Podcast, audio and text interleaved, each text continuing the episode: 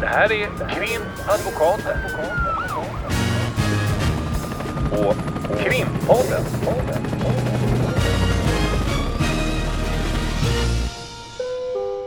Parter och ombud kallas till sal 32. Hej Lotta! Hej Ulrika.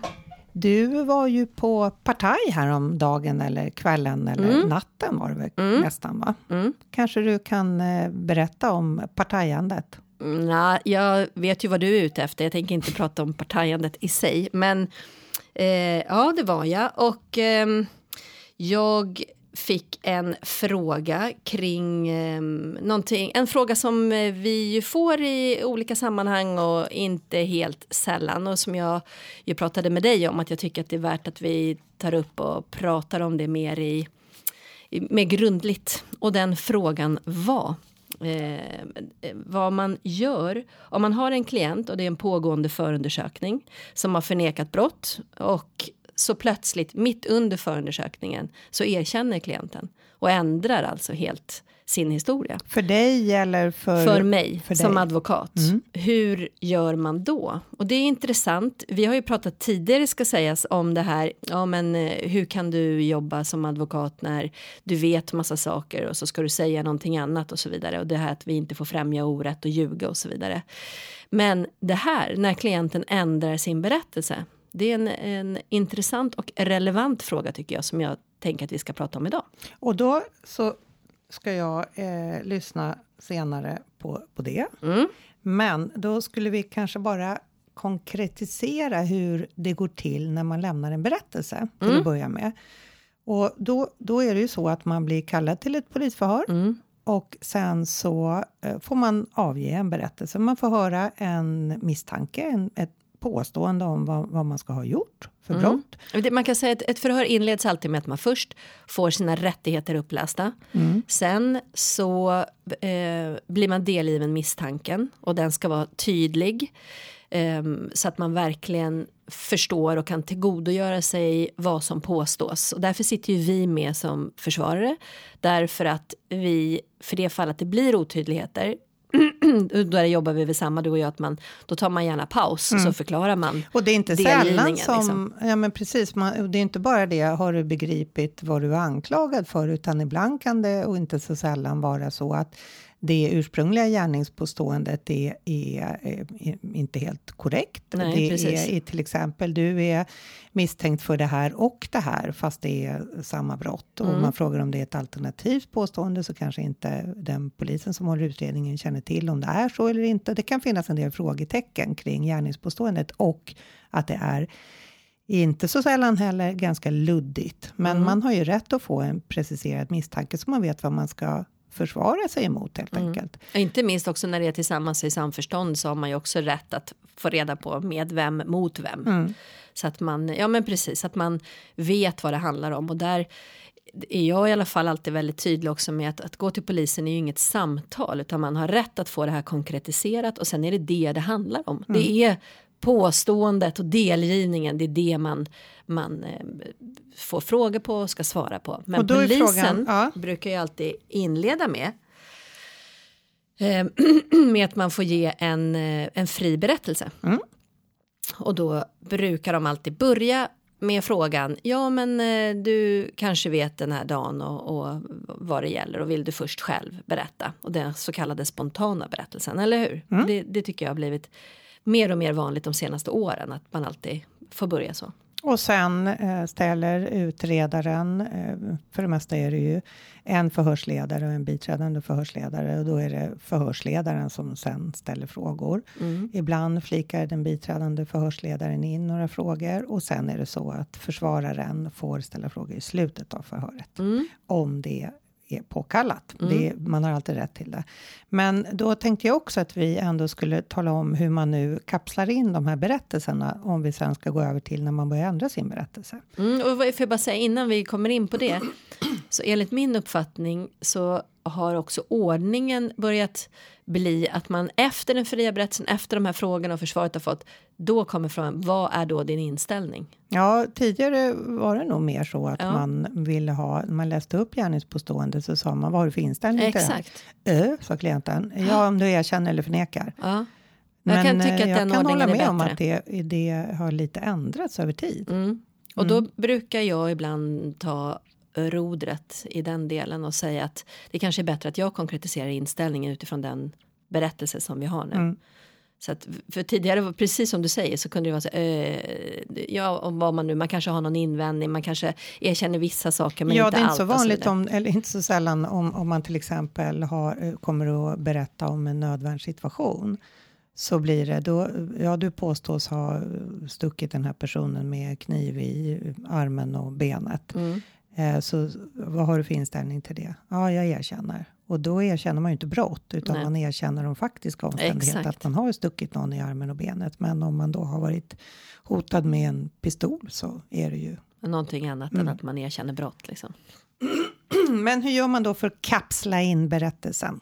Mm, gud vad vi verkar vara harkliga idag. Ja, det är ett väldigt harklande här. Ja. Eh, man kan eh, ibland vara på polisförhör där polisen tar fram ett kollegieblock och en penna Mm. och skriver ner lite då och då. Medan man själv, vi skriver ner allting.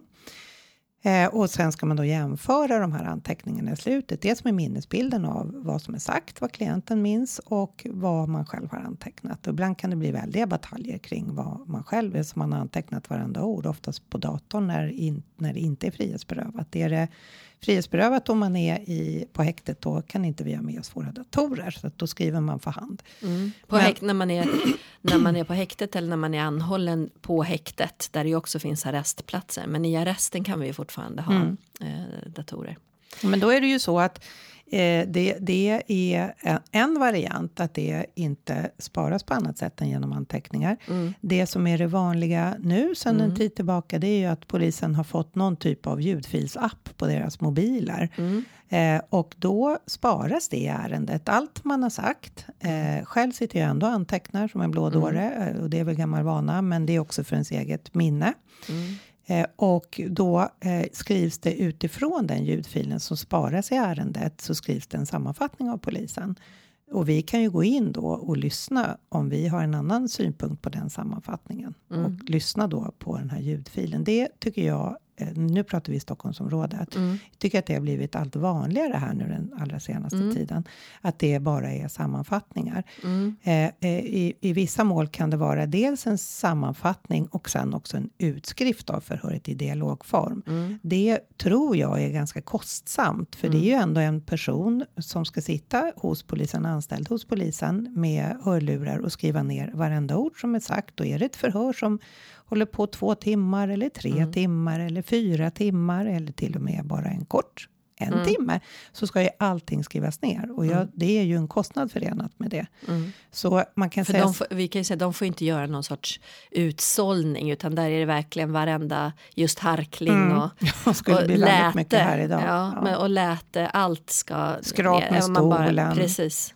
Men då är det Sidoprat. Si- Jag läste ja, ett förhör precis. igår där, där man hade glömt att stänga av eh, inspelningsutrustningen när eh, man tog en mindre paus. Och då hade de skrivit ner det som sägs under själva pausen. Det typ, jag var behöver du intressant. lite vatten Ja, men eller vad exakt. fint väder det är. Ja. Eller, ja. Det stod någon, någon eh, sammanfattning sen, det följde kallprat på Mm. grund av att man glömde stänga av utrustningen. Men i, i dialogåtergivningen så, så stod det precis vad det, det Innehållet i kallpratet. Ja, precis. Men det det kan också- ju vara värt att kolla att den är avstängd när det är paus. Ja, verkligen. Och det kan man ju tycka, eh, tycker jag, eh, för att när det blir det här kallpratet, när det blir en paus, det är också för att lätta upp stämningen, klienten ska känna sig bekväm eh, Mm. och, och har det varit lite tråkig stämning eller så, då, då försöker man ju verkligen på alla sätt och vis och, och lätta upp det hela så att klienten ska känna sig trygg och då vill man ju inte att det ska finnas med. Så då kan man, man ser, för deras mobiler ligger på bordet och man kan se när de här ljudfilerna är på.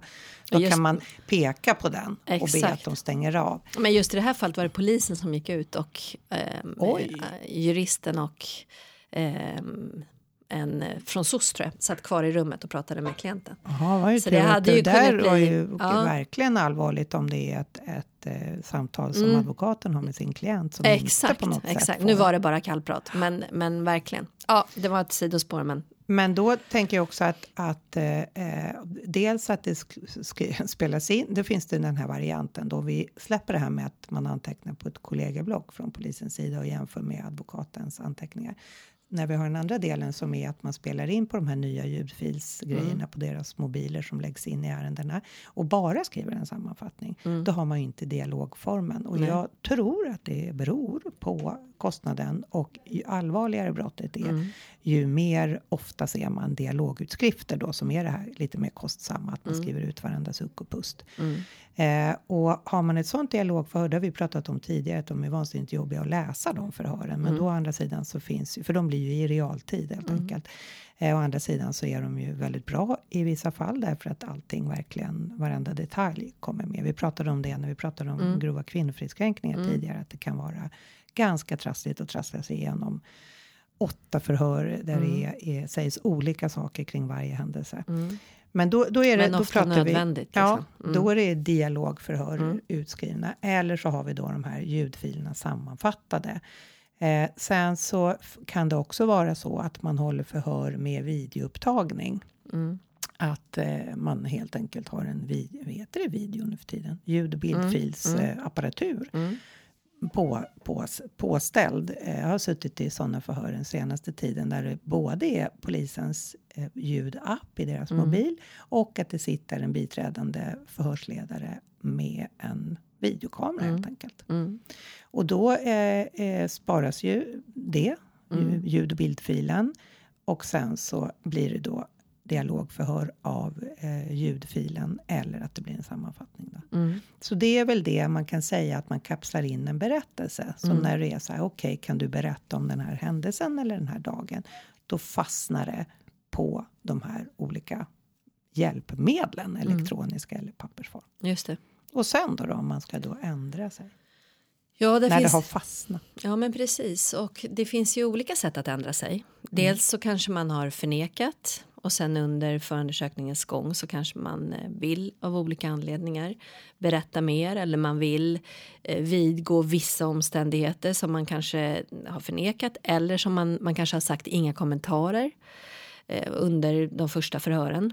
Ehm, och oftast så föregås ju, skulle jag väl vilja påstå, att man ändrar sin berättelse av att man kontaktar sin advokat och berättar eller säger jag vill ändra att jag vill ändra. Eller jag vill säga eller berätta sanningen. Har kommit, eller jag, jag har vill... kommit ihåg. Ja.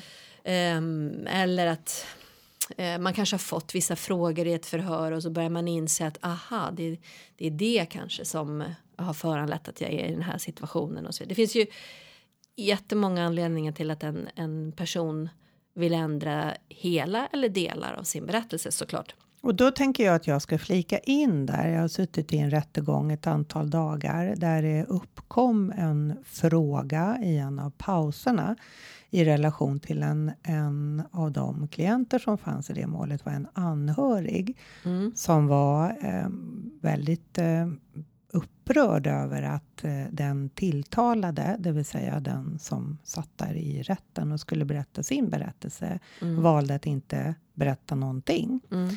Eh, och eh, då försökte jag att förklara, det är inget konstigt om man är anhörig, att man kanske är arg på precis allt. Eh, mm. om, någon, om man är anhörig till en målsägande som har berättat om att den har blivit utsatt för brott, så som anhörig så är det väl inget konstigt. Det ju, men, men man måste ju också, vi, jag försökte förklara vad det handlade om, att vare sig målsäganden eller den tilltalade är den misstänkta eller målsäganden även under förundersökningen behöver inte berätta. Nej. Man får hålla tyst och då kan man antingen vara tyst, tyst. Mm. Eller så säger man att man inte vill berätta eller att man som en del säger då säger, väljer att säga inga kommentarer. Det är en rättighet man har som mm. tilltalad, men det är också eller misstänkt i ett mål. Det är eh, samma rättighet som en målsägande mm. har. Så de som är liksom kärnan i målet, kan aldrig avkrävas en berättelse där man måste lämna eh, uppgifter som är sanna eller man får inte hålla tyst med uppgifter. Det är det som skiljer sig åt när det gäller vittnen. Mm. Vittnen avlägger en ed i domstol och måste hålla sig till sanningen eller berätta saker, får inte hålla tyst om saker som de Nej. känner till. Därför att annars så kan de då dömas för mened. Men det här gäller då inte målsäganden och det gäller heller inte någon som är misstänkt eller tilltalad. Och det tyckte den här anhöriga var väldigt upprörande. Att hur, hur, hur kan man låta eller hur kan ni låta den här misstänkta eller då tilltalade personen i huvudförhandling. Hur kan ni låta honom inte svara? Hur, hur, varför accepterar ni att han inte svarar? Varför ställer ni inte mera frågor? Alltså var det, var du då, var det din klient som man hade Nej, då var jag Ah, målsägandebiträde. Okej, okej. Mm. Och då förklarade jag det här och, och, och sa att den här rättigheten har ju även målsäganden. Mm. Men, eh, men som sagt, det blir ju personligt för en anhörig, så det är ju inget konstigt. Men, och det är inte så lätt kanske att nå fram med varför juridiken ser ut så här. Men det är ju därför att är man då huvudpersonerna i målet så ska man inte eh, av olika skäl behöva eh, berätta om man inte vill det helt Nej. enkelt. Nej.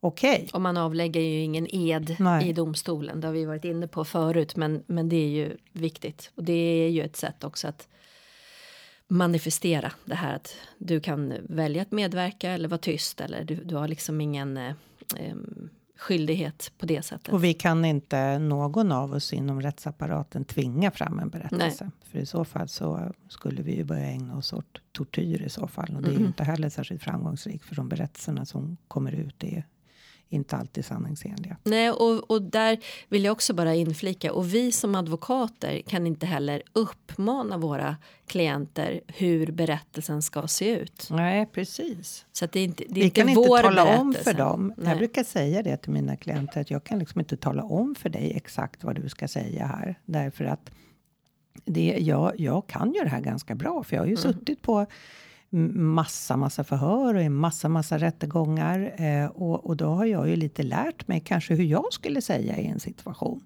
Och det får inte vi göra. Vi får inte tala om för klienter och vi får inte tala om för vittnen heller om vi tar kontakt med något vittne vad de ska säga. Det är absolut förbjudet och det är förenat med med stora risker om man skulle börja ägna sig åt en sån verksamhet. Dels därför att eh, de, de uppgifterna som lämnas sen i domstolen, om de är direkt en upprepning av vad advokaten har sagt så tappar de i bevisvärde om det upptäcks. Men framförallt så är det helt i strid med våra etiska regler att göra på det sättet. Men det är väldigt många människor som tror det, att det är vi som talar om för våra klienter vad de ska säga. Men så är det inte. Mm. Men okej, då har vi kapslat in den här berättelsen och sen har du eller jag eller vi en person som ringer till oss eller vi träffar den på ett möte och den säger att jag vill ändra mig. Ehm, och då brukar jag alltid göra så att man ehm, ses och pratar om på vilket sätt ehm, och så vidare. Om det här sker under förundersökningen så i, i början av det, det här samarbetet, om man ska säga, i början när man får en klient så gör man ju tydligt de riktlinjer som gäller för just det här att jag kan inte säga vad du ska säga. Eh, Det är jag- många klienter som gärna vill det. Men du kan väl säga vad jag ska säga? Ja, eller så här, åh, vad tycker du? Hur skulle, vad skulle du säga liksom? Men, och det är såklart, vi får ju, eller vi ska ju informera och vägleda utifrån våra juridiska, vårt juridiska perspektiv. Men det är ju inte att säga, okej, jag skulle säga så här.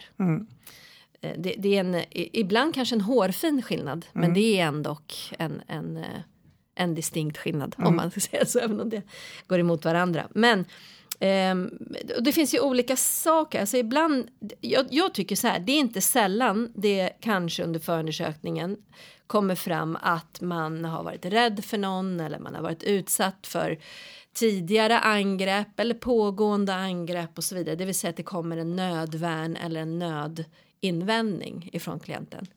Ehm, om det, inte minst när det är eh, vad ska man säga, våldsrelaterad brottslighet. Eller har inte du också den uppfattningen?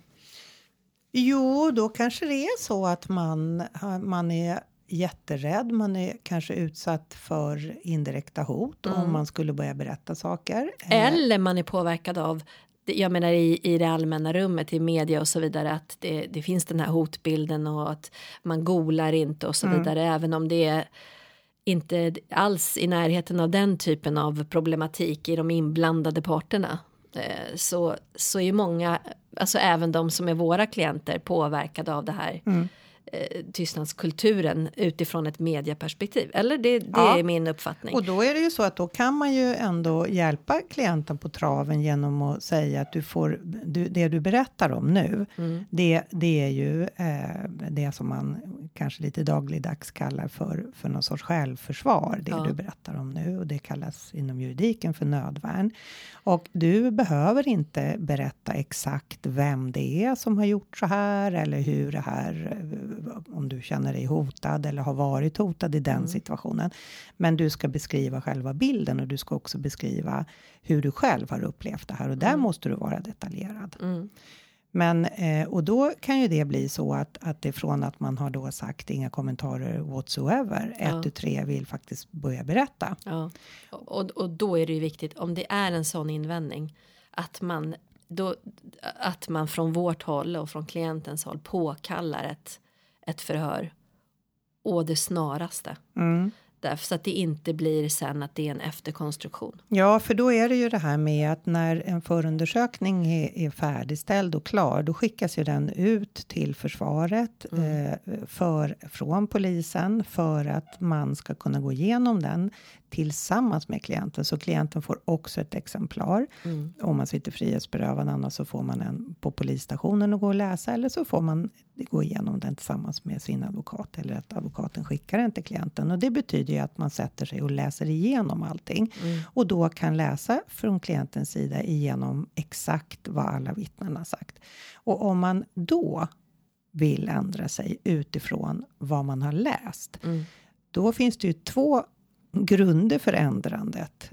Den ena är, jag vill faktiskt berätta. Det är lite mer nyans på det här som påstås. Eh, och det andra är att eh, nu ser jag ju att eh, vittnet A och vittnet Ö säger på det här sättet. Då vill jag ändra min historia för att det kommer passa mycket bättre in i en annan berättelse. Och, och då är det ju så att då måste man ju påkalla ett förhör för att man inte ska hamna i att man i domstolen sen får höra att du har ju en advokat och nu ändrar du din berättelse. Varför har inte din advokat och du begärt att det ska hållas ett kompletterande förhör med dig? Och där är det ju också så att det är viktigt när det här sker. Om det ska ske när du har tagit del av förundersökningen eller inte. Och är det så att klienten säger innan man får del av förundersökningen, nu skulle jag vilja ändra min berättelse. Då påkallar man ett förhör. I de allra flesta fall, sen kan det ju lite beroende på vad det är för någonting som ska ändras. Om solen stod i zenit eller klockan 11 spelar inte så stor roll. Det får ju vi göra en bedömning. Men om det är någonting som ska ändras, då är det ju bra att den berättelsen kommer innan klienten har tagit del av hela förundersökningen. Därför att även om berättelsen är sanningsenlig utifrån klientens perspektiv, så har man tagit del av förundersökningen, då är det nästan alltid så att det heter att det här är en efterhandskonstruktion, för nu har du läst på och nu kommer du med din ändring.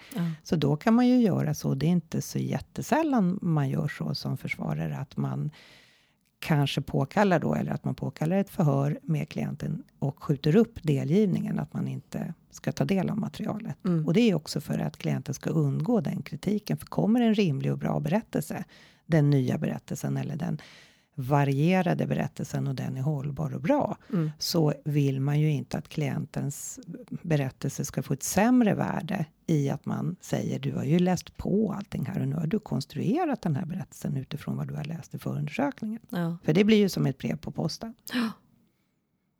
Ja, och det är jätteviktigt. Dock måste jag säga, och jag undrar om du har samma erfarenhet, vad gäller när det kommer en nödvärnsinvändning exempelvis, så måste det nästan antydas i vart fall i det första förhöret på något Du menar sätt. för att man inte ska hamna i den situationen att utsagan som klienten sen lämnar Ja. får ett lägre bevisvärde. Ja, och jag, alltså Ja. min uppfattning är att även när det kommer i det andra förhöret och där man kanske har varit tydlig att Varför sa du inte Varför det sa du inte början? det direkt? Ja. Trots att man kanske sitter i, i arrest. Jag hade ganska nyligen ett sånt mål. En person som eh, blev tagen till arresten. Det är, det har vi varit inne på, det är en omvälvande situation för de flesta. Mm.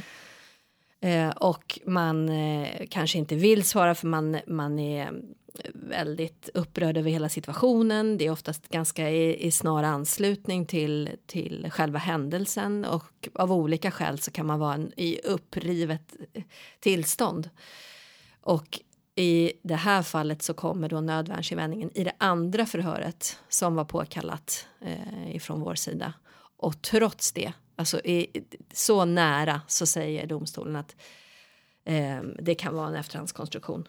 Mm. Och det är sannolikt att det inte har meddelats från första stund. Liksom. Och det, det där är ju lite beklagligt. Du och jag har ju tack och lov ännu i alla fall inte suttit i någon arrest själva mm. som misstänkta. Vi får väl se. Mm. Eh, men eh, det, det, jag tycker att det ibland känns som att man inte riktigt från eh, ja, åklagare och, och, och domstolar kan tänka sig in i hur det är. Nej. Och när, det blir lite som att vi säger, ja, sitter man i en arrest misstänkt för ett jätteallvarligt brott så är det så åh, åh vad de är upprörda, åh vad det är synd om dem. Det är ju inte det vi pratar om, utan Nej. vi pratar ju om hur funkar hjärnan och hur funkar den verbala förmågan mm. när man bara är insliten och för det mesta både av, av riktiga skäl eller kanske av andra skäl är väldigt rädd. Mm. Vad är det som ska hända? Mm.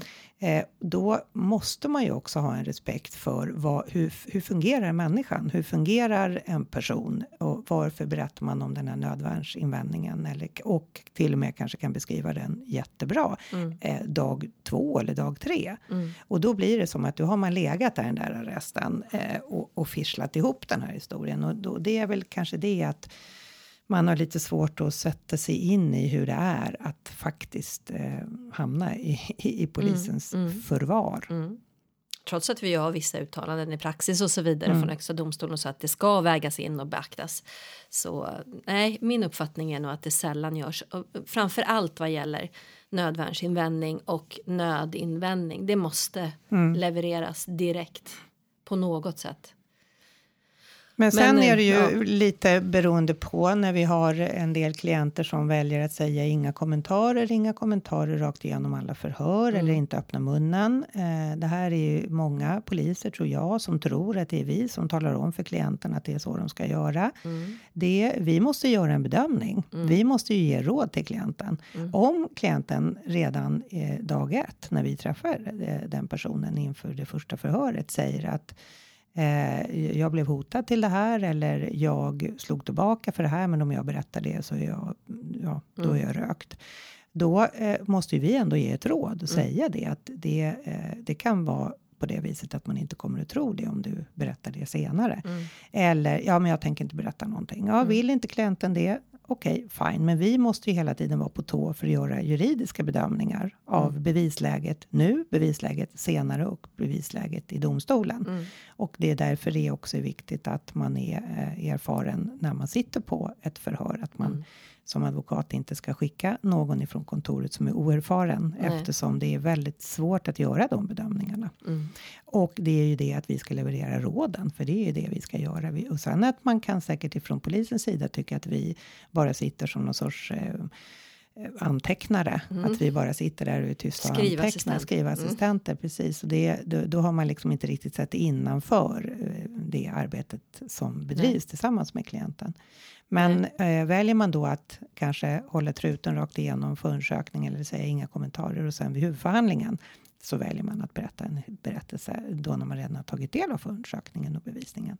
Mm. Då är det ju, eh, får jag nog säga, alltid så att det hävdas ifrån åklagarens sida och att de oftast får medhåll ifrån domstolen om att det här är en efterhandskonstruktion. Mm. Eh, och, det, och det trots att man får sina rättigheter upplästa. Att man har du har rätt att vara tyst. Mm. Du, du, behöver inte medverka till vad gäller utredning kring din egen skuld. Och då får man ju ändå frågan i huvudförhandlingen kommer det sig att du nu vill berätta mm. det här och då är det inte så sällan att, att personer då säger att eh, jag, jag, har inget förtroende för polisen mm. eller jag har inget förtroende för åklagarna. Jag har bara förtroende för domstolen. Det är därför jag vill berätta nu. Det är klart att en, en berättelse får det, det, är väl inte rocket science att tänka att en berättelse får ett sämre bevisvärde när man sitter och håller truten rakt igenom en förundersökning och sen presenteras all bevisning och sen kommer det en berättelse som är, relaterar till den här bevisningen som har lagts fram, att den får ett sämre värde. Men där har ju vi också, vi, vi kan inte, som du sa tidigare, vi kan ju inte tvinga klienter att berätta saker. Det ska Nej. inte vi göra, det är inte vårt uppdrag. Men vi ska kunna säga till klienten, och det ska vi göra, att jag gör en bedömning att det som du berättar för mig nu, det tror jag är bra att du berättar för polisen. Jag vill inte det, jag tänker aldrig göra det. Nej, okej, fine. Men då kommer den kanske få ett sämre bevisvärde i din berättelse om du berättar den sent. Det är ju bara information helt enkelt. Har du varit med om, eh, det har jag varit med om en gång, jag kommer ihåg jag gick i eh, kulvertarna, när man är häktad så kom, körs man ju in av, av kriminalvården i en em, piketbil och så i ett garage under domstolen och sen så är man i kulvertarna under domstolen för det mesta. Och då eh, i, så träffar man klienten och så går man i kulverten med, med klienten och med transportpersonalen ifrån kriminalvården. Och så tar man en hiss rakt upp i rättssalen så man går ju liksom inte utanför som klient om man är frihetsberövad. Eh, och då var jag med om att en klient ville ändra sin inställning just under den lilla korta promenaden. och det, då är det så här, okej, fine. Eh, då var det inte så här, jag tänker erkänna, utan han skulle helt ändra berättelse. Då sa jag, ja men okej, fine, så går vi upp. Och så, så, så begärde jag en paus och så berättade jag för åklagaren vad min klient kommer att berätta. Och så pratade jag med de andra försvararna också. Så att det är lite så att man, eh, man man, där får man ju också göra en bedömning som försvarare. Man ska ju kanske inte hålla fram ett S ur rockärmen precis eh, fem sekunder i tolv. Nej. Om det inte är nödvändigt att göra det. Men eh, ibland kan det ju vara lite krixigt. När, krixigt när eh, klienterna vill ändra en berättelse precis innan. Men då tar man ju det och så begär man en paus. Och, så, och är det så att det är hinder mot förhandlingen och, klient, och vi bedömer att klienten kanske måste höras, ja då får man anföra det. Ja. Det kanske inte är världens mest poppis grej att göra när det Nej. är sju tilltalade, massa advokater och, och domstol och hela faderullan inblandad. Att man säger att nu är det så här. Men Ja. ibland får man stå ut med, med att det är lite jobbigt. Ja, exakt. Och vi är ju lite där för att vara den här som oftast är lite jobbig och ifrågasättande och det är ju lite vår roll. Så att det är man väl lite som skavsåret. Det som är den vanligaste frågan är ju oftast också, eh, det har vi tagit upp tidigare, men det här med vad händer om klienten vill erkänna, berätta det för dig?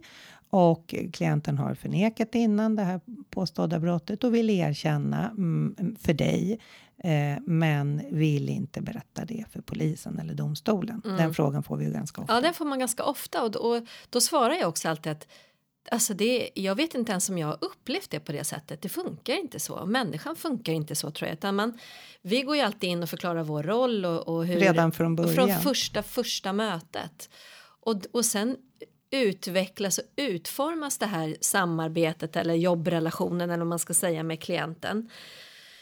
Ehm, och jag menar en, en person som är häktad under längre tid då har man ju väldigt mycket samtal och man, man hänger ju en hel del med varandra men det det är otro, alltså jag, jag tror faktiskt inte under alla mina år, det har inte gått till på det sättet. Nej, ofta man så kan är det så ibland att man ana. inleder med Ja. att berätta hur, hur det ser ut. Jag kommer att jobba efter din, eh, den, den uppfattningen du har. Ja, Och sen säger jag också alltid, ändrar du dig, då jobbar jag i den exakt. riktningen. Jag jobbar med din berättelse. Ja, men vi säger ju också att om det skulle vara så att du erkänner för mig saker som du inte kan stå för i domstolen eller inför polisen och vill att jag ska ta fram bevisning Mm. som ska motbevisa åklagarens påstående om din skuld fast du har berättat för mig att det faktiskt inte är på det här sättet. Vi, jag och min tvillingbror var eh, på Kanarieöarna. Jag vill att du tar in foton där min tvillingbror går på flygplatsen. Vi Mm. är exakt likadana. För jag kommer att säga att jag var på Kanarieöarna fast jag inte var det.